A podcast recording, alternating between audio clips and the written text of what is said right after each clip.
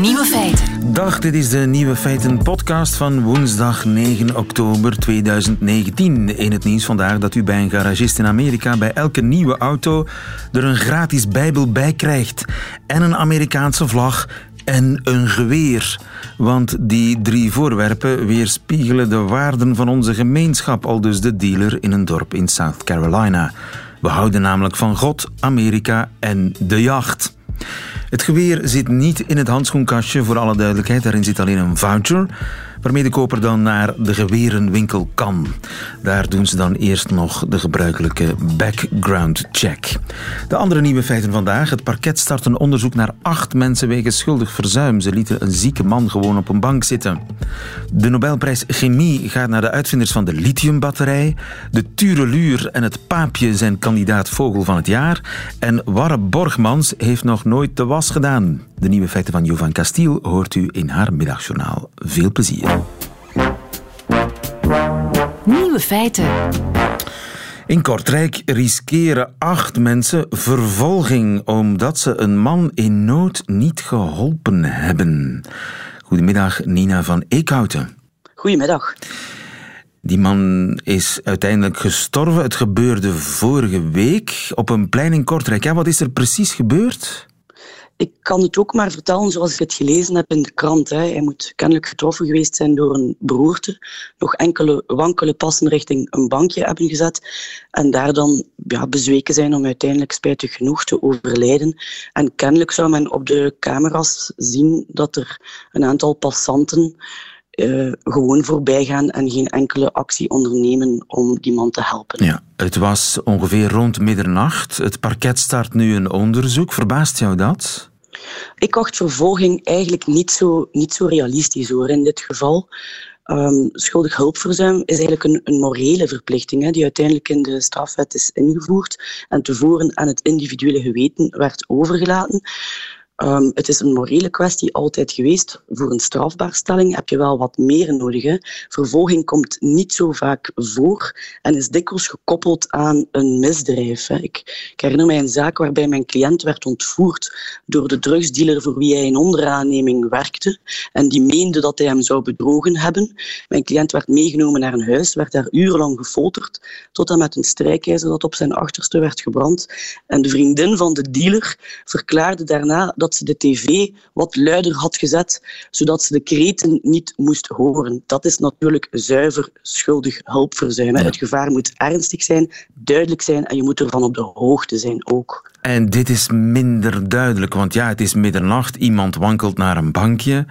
Ja, is de, de, conclusie is snel getrokken. Hè? Die, is, die, is, die heeft iets te veel biertjes uh, of ander sterker spul op ik moet toegeven dat dat ook mijn conclusie zou zijn. En dat is natuurlijk ook contextgebonden. Hè. Een dakloze die bijvoorbeeld deel uitmaakt van het straatbeeld, ja, dat doet geen alarmbellen afgaan. Hè. Als diezelfde dakloze bij min 5 diep in slaap lijkt, ja, dan zal men eerder geneigd zijn, denk ik, dan toch om de hulpdiensten te verwittigen en tussen te komen. En schuldig verzuim staan daar zware straffen op?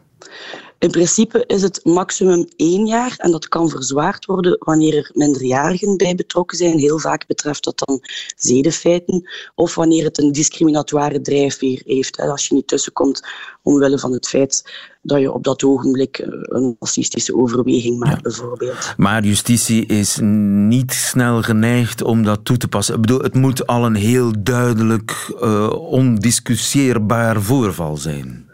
In principe wel. Het Openbaar Ministerie is natuurlijk vrij in hun vervolgingsbeleid, maar het zou mij sterk verbazen dat een correctionele rechter geen vrijspraak verleent in zo'n geval. Het moet inderdaad ernstig zijn hè, en men moet er ook van op de hoogte zijn. Hè. Iemand die je bijvoorbeeld aan een brug ziet staan en aanstalten maakt om te springen, ja, dat is duidelijk. Als diezelfde man of vrouw gewoon een wandelingetje maakt, kan je, je kan niet raden wat er, wat er met iemand gebeurt en er moet toch iets concreet zijn waardoor dat je kan zien dat die persoon in ernstig gevaar verkeert. Maar toch goed om in het achterhoofd te houden dat je eigenlijk verplicht bent om hulp te bieden aan iemand in nood.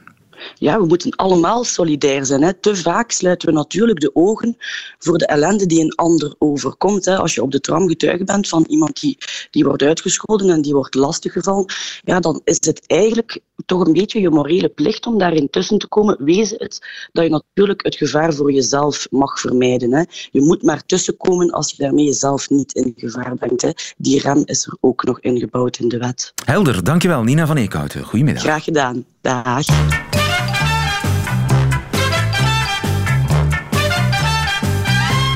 Feiten. Voor dolle avonturen en nieuwe kicks hoeft u niet noodzakelijk op lama-trektocht naar Peru. Want het bijzondere zit vaak ook in het banale, in het gewone. En we beseffen dat te weinig. Zo ontdekte wereldreiziger Tom Waas vorige week. Het hellend vlak van Ronquière had hij nog nooit van dichtbij gezien. Michael van Beel ging voor het eerst vogel kijken. Want het geluk ligt voor uw neus en u ziet het niet. Reporter Koen Filet belde deze week aan bij acteur Warre Borgmans. Wat zou hij nog nooit gedaan hebben?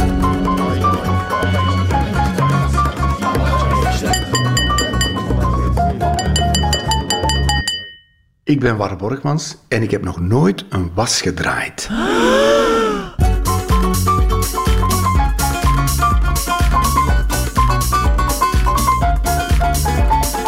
Nog nooit? Nog nooit. Never. Uh, ik heb een partner die dat al gedurende heel vele jaren die taak voor mij altijd overneemt. Ja, ik word op dat gebied uh, onnatuurlijk verwend. Ik geef het toe. En dat is zo gegroeid. Dat is, nou, ik heb al wel ettelijke keren me laten instrueren. Hoe zit het nu eigenlijk? Ik wil het leren vanuit mezelf. Echt van, ik wil het toch leren. Je kan theoretisch wassen. Ja, in mijn hoofd heb ik al heel veel wassen gedraaid. Voor we gaan beginnen, ja. zullen we er eens eerst over nadenken? Want ik, ik ben zelf ook geen specialist. Dat belooft, ja. ja. Maar ik weet wel dat je de was moet... Selecteren. Precies. Je moet selecteren. De kleur is belangrijk. En, en dan hebben we de, de witte was en alle gekleurde was. Ook daar vind ik het al moeilijk, want gebroken wit of, uh, allez, fijbelwit of zo. Wat is dat, wit of is dat niet wit? Dat is dikwijls ook gekleurd. En de keukenhanddoeken bijvoorbeeld, die mogen bij de witte was, maar bij ons, ik weet niet hoe het bij jullie zit, maar die zijn bij ons zijn die niet wit. Nee, maar binnen de kleuren hebben we ook onderscheid dat je rood niet mag mengen. Maar waarom mag je eigenlijk blauw niet mengen? Of mag je dat wel mengen? Dat weet ik dus eigenlijk. Ik weet het eigenlijk ook niet. Nee. Misschien omdat licht roze schade aan, ja. erger is dan licht, ik weet het niet, lichtblauw. Ja. God, dat kan misschien door de esthetische beugel. Ja, maar het, kijk, een troost is toch ook. Wij gaan niet de eerste zijn die daar ongelukjes mee hebben. Of die daar. Nee, eh, of fouten in maken. Niemand wordt gespaard. Het overkomt iedereen. Dus Koen, laat ons daar, niet, ons daar geen stress op de, op de rug laten halen. Hè? Waar staat de wasmachine? Kom maar, boven. boven. Oh, ja.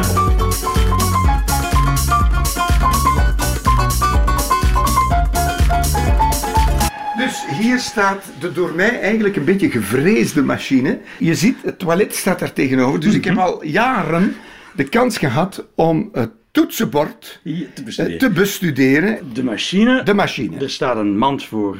Er staat een mand voor. Is het al gesorteerd of is dat ongesorteerd? daar heb je het. Ja, ik zou denken dat dat gesorteerd is, maar dat zijn allemaal kleuren. Hè? Het zijn allemaal lichte blauw, kleuren. Ik zie zo'n uh, appelblauw, zeegroen. Ja. Wat is dat? Dat is een soort tafel... Een tafelloper. Ja, dat ja. ja. Ah, tafelloper. Ja. Zou het kunnen dat mevrouw Warre... Ja, Trix. Trix ja? hier al werk voor ons in onze plaats. Dit, dit lijkt mij gesorteerde ja, dat zal ze dan gedaan ja, Ze heeft zichzelf over deze uitzending en de opname grote zorgen gemaakt. Is Alle dagen. Van, maar ja, hoe gaat het dan in zijn werk? Moet ik niet thuis blijven? maar gaan er geen accidenten? Ja. Dat vooral. Ja. Alles, alles zit in die groen-blauwe kleuren. Want dat maakt voor ons het, het werk wel makkelijker. makkelijker hè? Goed, hè? De kans op roze onderbroek is... Gering. Onbestaande. Ja, Oké, oké. maar dat mag allemaal gewassen worden. Dan gaan we dat doen. Moet niet, hè? Maar kan. Nee. Allemaal op dezelfde temperatuur? Kijk, Koen, daar, daar, nu, moet ik, nu kijk ik in de poppetjes van je ogen. Ja, maar ja. um, als wij vandaag de dag ook ecologisch gezien alles op 40 graden wassen, dan moet dat toch proper zijn. Allee, wij, wij, wij, wij kruipen toch niet door het slijk? Nee, die dingen die hier in die wand... toch allemaal Zitten er geen etiketjes in, in dat t-shirtje bijvoorbeeld waar wasvoorschriften... Think climate, wa- wash at 60 degrees. Ah, voilà, kijk. Voilà, katoen. 100% katoen. En maar hier staat wel baumwolle. Ja, dat is katoen in ah, het oké. Duits. hè. Oké. Ah, baumwolle? Ja, Oké, ja. dat is katoen. Eh, gaan we die tapijtjes erbij steken? Want ik vind ook, wel, qua Ja. ecologie, die machine... Nee, nee, die, zit niet vol zo, Die, hè? nee, die, Dat moet, gaan we die voor- moet vol zitten. Het is Oké, niet de moeite om een uur te laten draaien Nee, nee, tuurlijk. als het niet vol zit. Dus de tapijtjes erbij. Ja, dus we doen dat er allemaal bij. Ja, ja, ja. Oké. Voilà. Appel. Zouden we die handdoeken er ook nog Die zijn ook appelblauw dat Goh. Eventueel. En we doen dat zo door elkaar, Gooi dat er maar bij. Gooi dat er maar bij.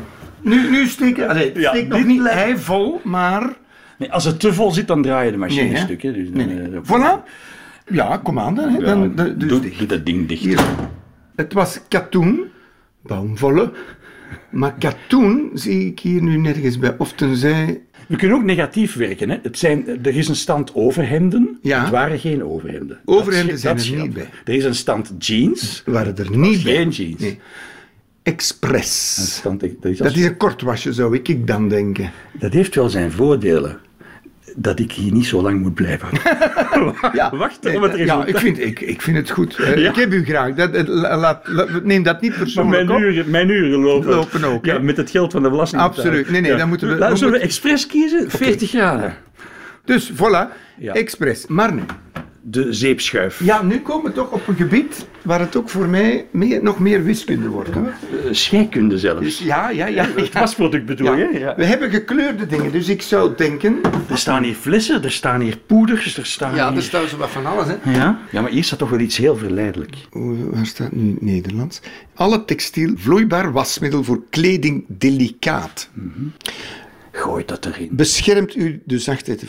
Nee, dit- dit- hier moeten we het dus mee doen. Ik denk het ook. Maar we gaan toch dat, heel dat bakje niet vol, dan is de fles leeg.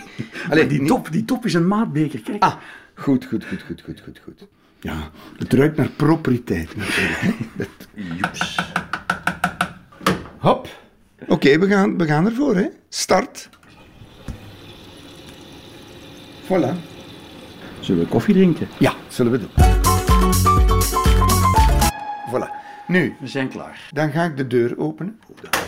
Klik. Voilà. ja, eh, eh, ja, maar minstens, op zijn minst proper. De kleuren. Dat appelblauw zegel is nog helemaal intact. Ja? Ik denk dat we klaar zijn. Maar ik denk, maar ik, mag ik u de hand schudden Kom, op deze? Ik wil je bij deze feliciteren met jouw eerste was. Het is goed afgelopen, hè? Ik ben zo trots op jullie. Maar ik moet er wel bij zeggen dat jullie dus eh, hand, keukenhanddoeken expres gewassen hebben met een wolwasmiddel. Dat kan volgens mij nog wel ietsje beter. Wat een avontuur toch, hè? Een wasdraaien. Warre Borgmans deed het voor het eerst. En eigenlijk volgens mij Koen Filet ook.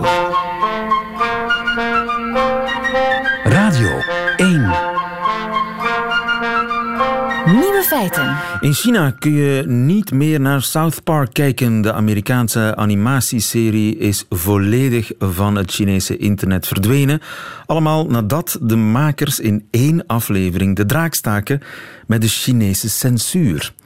In de aflevering proberen de jongens met hun band door te breken in China. Randy, de vader van een van de jongens, wordt gearresteerd omdat hij wiet bij heeft.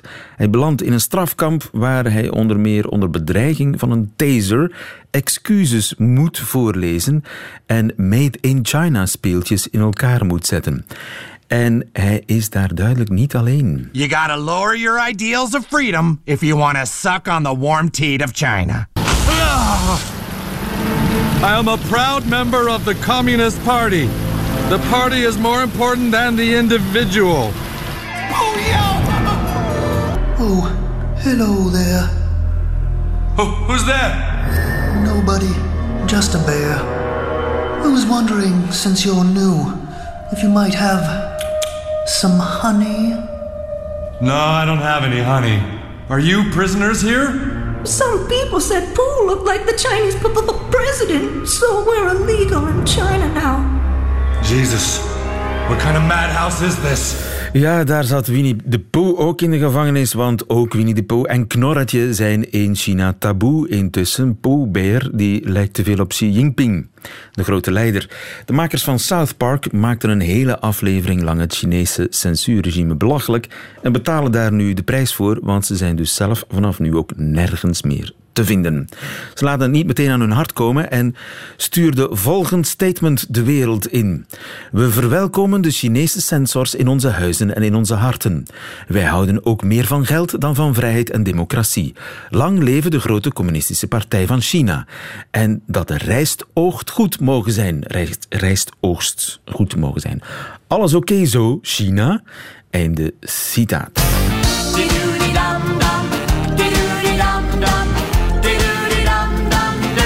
Nieuwe feiten. Ook dit jaar wil ik graag meedoen aan de Vogel van het Jaarverkiezing. Ik kan online stemmen voor een van de twaalf genomineerde vogelsoorten. Klein probleem. Ik ken niet één van de genomineerde vogelsoorten, maar geen probleem. Ik krijg hulp van Jochem Vrielink. Dag Jochem. Goedemiddag. Jochem, jij bent naast professor, eh, wat is het, discriminatierecht ook een verwoed natuurfotograaf en vogelkenner. Ja, klopt. Ik heb jouw hulp nodig, want deze, vogel, deze vogel bijvoorbeeld. Wat is dit?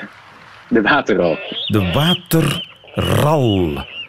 Ik had zelfs nog nooit van de waterral gehoord. En toch is hij nu genomineerd als vogel van het jaar. Hoe kan dat? Hoe kan het wel? De invalshoek is dit jaar een beetje, een beetje anders, zag ik eh, bij de Vogel van het Jaarverkiezing. Traditioneel was het vaak zo dat het ging om eh, ja, bedreigde soorten waar wat meer aandacht eh, voor is. En nu heeft Vogelbescherming gekozen naar eigen zeggen voor een twaalftal willekeurige vogelsoorten die misschien wat minder bekend zijn in sommige gevallen. Eh, maar allemaal wel hele leuke soorten, waaronder die waterral inderdaad. Een, een beest wat je niet zo vaak ziet. Eh, dus je hoort hem vaker dan dat je hem ziet. Die, die, houdt zich vooral op in, in dichte rietkragen. En die komt er eigenlijk alleen maar uit als het, eh, ja, als het echt moet. Dus als het heel koud wordt en ze echt gedwongen worden om naar buiten te gaan om te fourageren. eh, dan wil je ze nog wel eens zien. Maar daarbuiten is het, eh, is het vaak moeilijk om ze, eh, om ze te zien te krijgen. Maar het is een heel mooi vogeltje. Een soort van, lijkt een beetje op een waterhoen. Wat slanker, wat, wat, wat, wat langgerekter, eh, mooiere kleuren. Eh, een heel leuk beest.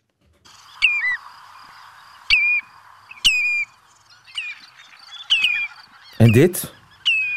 Ja, dit is de, de tureluur. eh, zo tureluur. gezegd Genoemd, ja, zo gezegd genoemd naar, naar wat hij roept. Hoewel je daar wel enigszins wat vindt, fantasie voor nodig hebt om tureluur te horen in wat hij, eh, wat hij zegt. Maar er zit een beetje die cadans in, hè? Een beetje tureluur. Ja. En dat is ook Ja. een vogel die, die gewoon bij ons in de, de beemden zit. Ja, goh, het, het probleem met veel van die, van die steltlopers is dat ze, en die weidevogels, is dat ze het moeilijk hebben. Dus ook de tureluur, daar gaat het niet zo extreem goed mee. eh, Maar je kan ze inderdaad eh, bij ons tegenkomen. Ja. De tureluur, zeg. En wa- welke vogel mag dit dan wel wezen? Hier hoor je de woudaap. Dat is meer een hondje.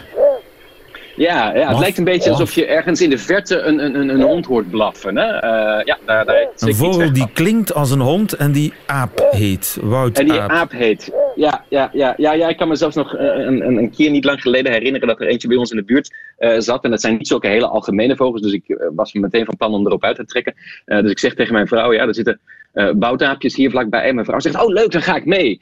Eh, en pas op het moment dat we onze jas aan het aantrekken waren, dacht ik van, ja, dit is wel een beetje raar. Misschien, ah, wacht even, misschien heeft ze niet door dat het over vogels gaat. Eh, Aha. en dat was inderdaad het geval. Ze dacht Eh, dat dus je het, aapjes ging kijken. Dat er opeens aapjes in, in, in Vlaanderen zaten, ja. Ja, Vlaanderen, ja, want voor alle duidelijkheid, je accent zou dat misschien niet verraden, maar jij bent een absolute Vlaming in, in die zin dat jij in Vlaanderen woont. En we hebben Ja, al 20 jaar. Ja, eh, dat mag. Dat wordt toegejuicht. Fijn. Goed, maar ik moet dus stemmen. Eh, heb jij advies voor mij? Eh, heb jij een soort van persoonlijke top drie van die twaalf genomineerde vogels? Ja, het is wel een moeilijke keuze hoor, dit jaar. Er zitten echt heel veel hele leuke soorten tussen. Ik raad iedereen aan om eens te gaan kijken op de, op de site van de vogel van het jaar van vogelbescherming. maar mijn persoonlijke top drie zou zijn ehm, paapje enerzijds op drie. dat is hem, hè? Paapje? dat is hem inderdaad. Ja, dat is het paapje. Ja. Klinkt in elk geval heel fris en kwinkelerend en vrolijk. Het is een heel leuk beestje. En, en dit is ook meer, die zou ik ook meer kiezen. Die zit in de top drie bij mij. Vooral omdat als je toch die traditionele aanpak zou, zou, zou, zou nog voorstaan van uh, soorten die, die ernstig bedreigd zijn en die wat meer aandacht verdienen, wat meer bescherming verdienen, dan hoort het paapje daar zeker uh, bij thuis. Het is een heel leuk vogeltje, uh, een, een, mooi zangvogeltje, oranje borst. heel gezellig ook, heel, heel sterk koppelgedrag. Het is zo'n soort waarbij mannetje en vrouwtje altijd bij elkaar in de buurt zijn. Als je de een ziet, dan komt er altijd de andere erachterna. Ja. maar dus ja, zoals gezegd, een hele bedreigde soort. En is het een katholieke vogel? Ja, het is, ik, ik heb eigenlijk eens een beetje zitten zoeken, want ik besefte mezelf dat, dat ik niet wist waar die naam vandaan kwam. En etymologie is niet zo duidelijk. Je zou inderdaad zeggen dat dat iets te maken zou moeten hebben met, met iets van een verwijzing naar katholicisme. Misschien omdat ze vooral ja, wat meer in het zuiden voorkomen. Ik weet het niet. het, is, het is niet heel eenduidig als je daar wat, wat opzoekt. Dus op drie dus, paapje, ik zal erover nadenken. Op twee, Jochem. Ja. Op twee, de, de ruigpootuil. Ik hou enorm van uilen. Um, oh, dat geluid alleen al. Ja, heerlijk hè? Die had ik zelfs ja. herkend als uil. Niet ja, ja en hij lijkt een beetje, want vorig... Wat is een, ruig, wat is een ruigpoterig aan? Ruigpoterig is eh, daadwerkelijk ook zijn, zijn zijn poten. Dus alle uilen, of bijna alle uilen, uh, hebben gevederde poten. Uh, maar de ruigpootuil in vergelijking met andere uh, soorten die bij ons voorkomen, nog meer dan de andere. Dus die, die, die, die veren, die, die, die lopen bij hem echt bijna door tot, tot, tot de klauwen. Terwijl bij veel andere soorten dat die laatste tenen toch wat, wat, wat kaler zijn. Dus vandaar ruigpootuil, maar ja. Is die vaak te zien, de ruigpootuil? Heb je die al gezien? Nee, dat is een ik heb hem wel gezien, maar het is een hele zeldzame soort in, in België. Er broeden een paar koppels in, op een paar plekken in Wallonië.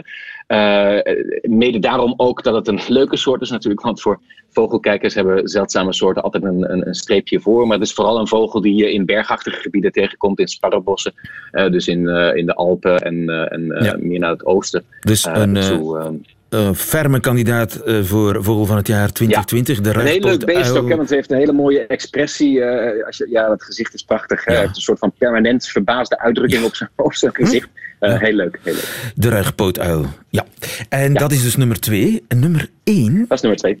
De notenkaker, voor mij. Een echt fantasievol geluid produceert de notenkraker niet, hè? het is niet het mooiste geluid van de, nee, van de vogels die tussen de genomineerden zitten. Uh, ja, kwaak, ja Een raspend, raspend geluid. Uh, maar het is wel een hele mooie vogel. Hè? Dus als je die, die opzoekt, het is een, een diep bruine vogel met bijna over zijn hele lichaam van die witte druppelspikkels uh, met alleen maar donkerbruine vleugels dan. En, en een beest dat je in Europa ja, vooral tegenkomt in, in, in Scandinavië en, en bergbossen van de Alpen. Uh, bij ons ook weer een hele zeldzame broedvogel, ook weer uh, overwegend uh, alleen in de Ardennen. maar je hebt ook, en dat is het leuke aan dat beest, echte invasiejaren. Dus sommige soorten die, die trekken niet standaard weg uit hun regionen, maar die doen dat alleen maar als ze echt moeten.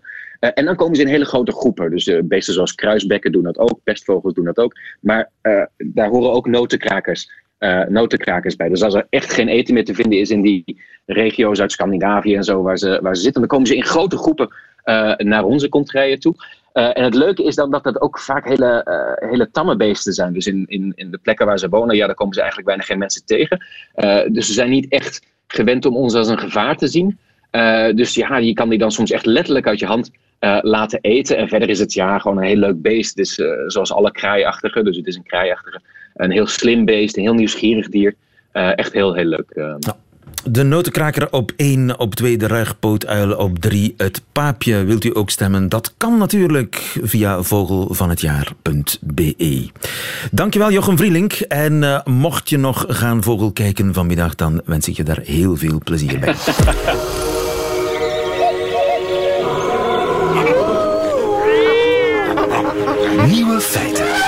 En dan de Nobelprijs voor chemie. Die is uh, zo pas uitgereikt. En dit zijn de winnaars. The Royal Swedish Academy of Sciences has today decided to award the 2019 Nobel Prize in Chemistry jointly to John B. Goodenough, M. Stanley Whittingham and Akira Yoshino for the development of lithium-ion batteries. De lithium-ion batterij. Annick Hubin, goedemiddag. Goedemiddag. U bent expert elektrochemie aan de VUB. De prijs gaat dus naar drie personen. John Goodenough, Stanley Whittingham en Akira Yoshina. Yoshino, sorry. Een Japanner, neem ik aan. Eh, waarom hebben ze die prijs gekregen? Waarom hebben ze die prijs gekregen? Wel omdat zij toch wel uh, mee aan de wieg gestaan hebben van de moderne ontwikkelingen van de lithium-ion batterijen. En met name door de ontwikkelingen die ze gedaan hebben op vlak van uh, elektrodematerialen. En hoe lang is dat geleden, hun onderzoek, dat zo baanbrekend is geweest? Ja, dan gaan we toch al even terug in de tijd. Uh, de jaren 70, de jaren 80. Uh, daar hebben zij echt uh, baanbrekende, laten we zeggen, ontwikkelingen gedaan. Maar ondertussen loopt er natuurlijk nog heel veel, veel verder. Maar ik vermoed dat ze de prijs uh, gekregen hebben omwille van hun, van hun uh, vroeger werk, waar dat ze echt toch wel het mogelijk gemaakt hebben om die technologie te gaan gebruiken. Ja, en de lithium-ion batterij, dat is echt een revolutie in het batterijwezen geweest. Ja, omdat dat een, uh, een batterij is die intrinsiek een, een heel hoge energiedichtheid heeft. Dus dat wil zeggen veel energie voor weinig gewicht. En dat is natuurlijk cruciaal als je elektrische auto's wil gaan bouwen. Inderdaad, dat is uh, daar een heel belangrijk element, want je wil natuurlijk niet dat het grootste gewicht van jouw wagen in die batterij zit. Ja. Maar dat is ballast dat je moet meenemen, bij wijze van spreken. En dus ook voor zonne- en windenergie is dat niet onbelangrijk, want het gaat om opslag van energie. Ja, natuurlijk, dat is een, een, een stationaire toepassing, zoals we zeggen. Dus we produceren energie met uh, hernieuwbare bronnen en dan moeten we die opslagen op, tot op het moment dat we die willen gaan gebruiken. Daar is het, het element gewicht, volume van, het, uh, van de batterij iets minder belangrijk dan, dan voor de dan voor de, de, de, elektrische voertuigen. Maar natuurlijk, de efficiëntie waarmee dat we de energie kunnen omzetten, dat blijft natuurlijk wel een heel belangrijk element. Ja, je zou dus kunnen zeggen dat de Nobelprijs is gegaan naar de mensen die de elektrische auto hebben mogelijk gemaakt. wel ja, dat zou je zo kunnen zeggen. en bent u tevreden met de, de winnaars, met de namen? Absoluut. Hè. Ik vind het een, een fantastisch uh, gegeven dat die technologie nu, de ontwikkeling van die technologie nu toch wel echt heel erg in de picture geplaatst wordt. Want uh, zij hebben nu baanbrekende ontwikkelingen gedaan enkele decennia geleden, maar ondertussen zijn we nog heel intensief bezig om die technologie te verbeteren en vooral, en dan kijk ik naar de toepassing van de elektrische voertuigen, om het veiliger te maken. Ja. Dankjewel, mevrouw Hubin, Annick Hubin van de VUB in Brussel. De Nobelprijs Chemie gaat naar de drie mensen die ja, de lithium-ion-batterij hebben mogelijk gemaakt. Goedemiddag. Graag gedaan. Nieuwe feiten. Daarmee heeft u alle nieuwe feiten gehad van deze woensdag 9 oktober 2019. Behalve die natuurlijk in het leven van de vrouw die het middagjournaal bijhoudt voor ons deze week. En dat is de West-Vlaamse Amerikaanse Jovanka Stiel. Nieuwe feiten. Middagjournaal. Goedemiddag. De brexit gaat binnenkort gebeuren. En ik moet toegeven dat ik het totaal niet begreep. En het lijkt alsof niemand het begrijpt. Want als ik naar de televisie kijk, zie ik alleen maar het Britse parlement, waar Britse mensen bezig zijn hun vreemde Britse lawaai te maken. Ja, ja, ja, ja, ja, ja, ja. Dan roept er plots iemand Oda, Oda. En daarna zegt iemand iets over hoe ze van plan zijn om te stemmen, over of ze moeten stemmen, over wanneer te stemmen, zodat ze misschien kunnen stemmen in een nieuw referendum over of ze moeten stemmen over Brexit. Ja, en die laatste zin klonk veel logischer dan het hele Brexit-gedoe van deze laatste twee jaar. Dus ik doe altijd alsof ik het allemaal goed begrijp, om te vermijden dat mensen mij dom zullen vinden. Als iemand over Brexit spreekt, dan zeg ik, oeh, ja, die Brexit toch. Jonge, jonge, jonge. We doen allemaal alsof wij het begrepen en we gaan allemaal in ontkenning, British style. We drinken een pintje en zeggen, yes, well, I'm sure they'll sort something out. Groot-Brittannië dat weg wil uit de EU is een beetje als een wilde tiener die weg wil van zijn ouders en alleen wil wonen, zodat hij kan feesten, feesten, feesten, zonder dat iemand hem regels geeft. En zelfs als zijn ouders zeggen, allee, je weet niet hoe je je eigen kleren moet wassen en je hebt geen meubelen en je hebt geen plan voor de toekomst. Stopt de tiener zijn vingers in zijn oren. En zo gaat het nu ook met de Brexit. De Britten stoppen hun vingers in hun oren. Ze maken hun Britse lawaai. Ja, ja, ja, ja, ja. En ze gaan alleen wonen, zonder een plan. En wij, wij wachten gewoon op de dag waarop de Britten terug thuis zullen komen. En wij al hun vuile was moeten doen, terwijl ze tegen ons zeggen: ja, ja, ja, ja, ja. En we zullen lachen, een pintje drinken en doen alsof wij alles goed begrijpen.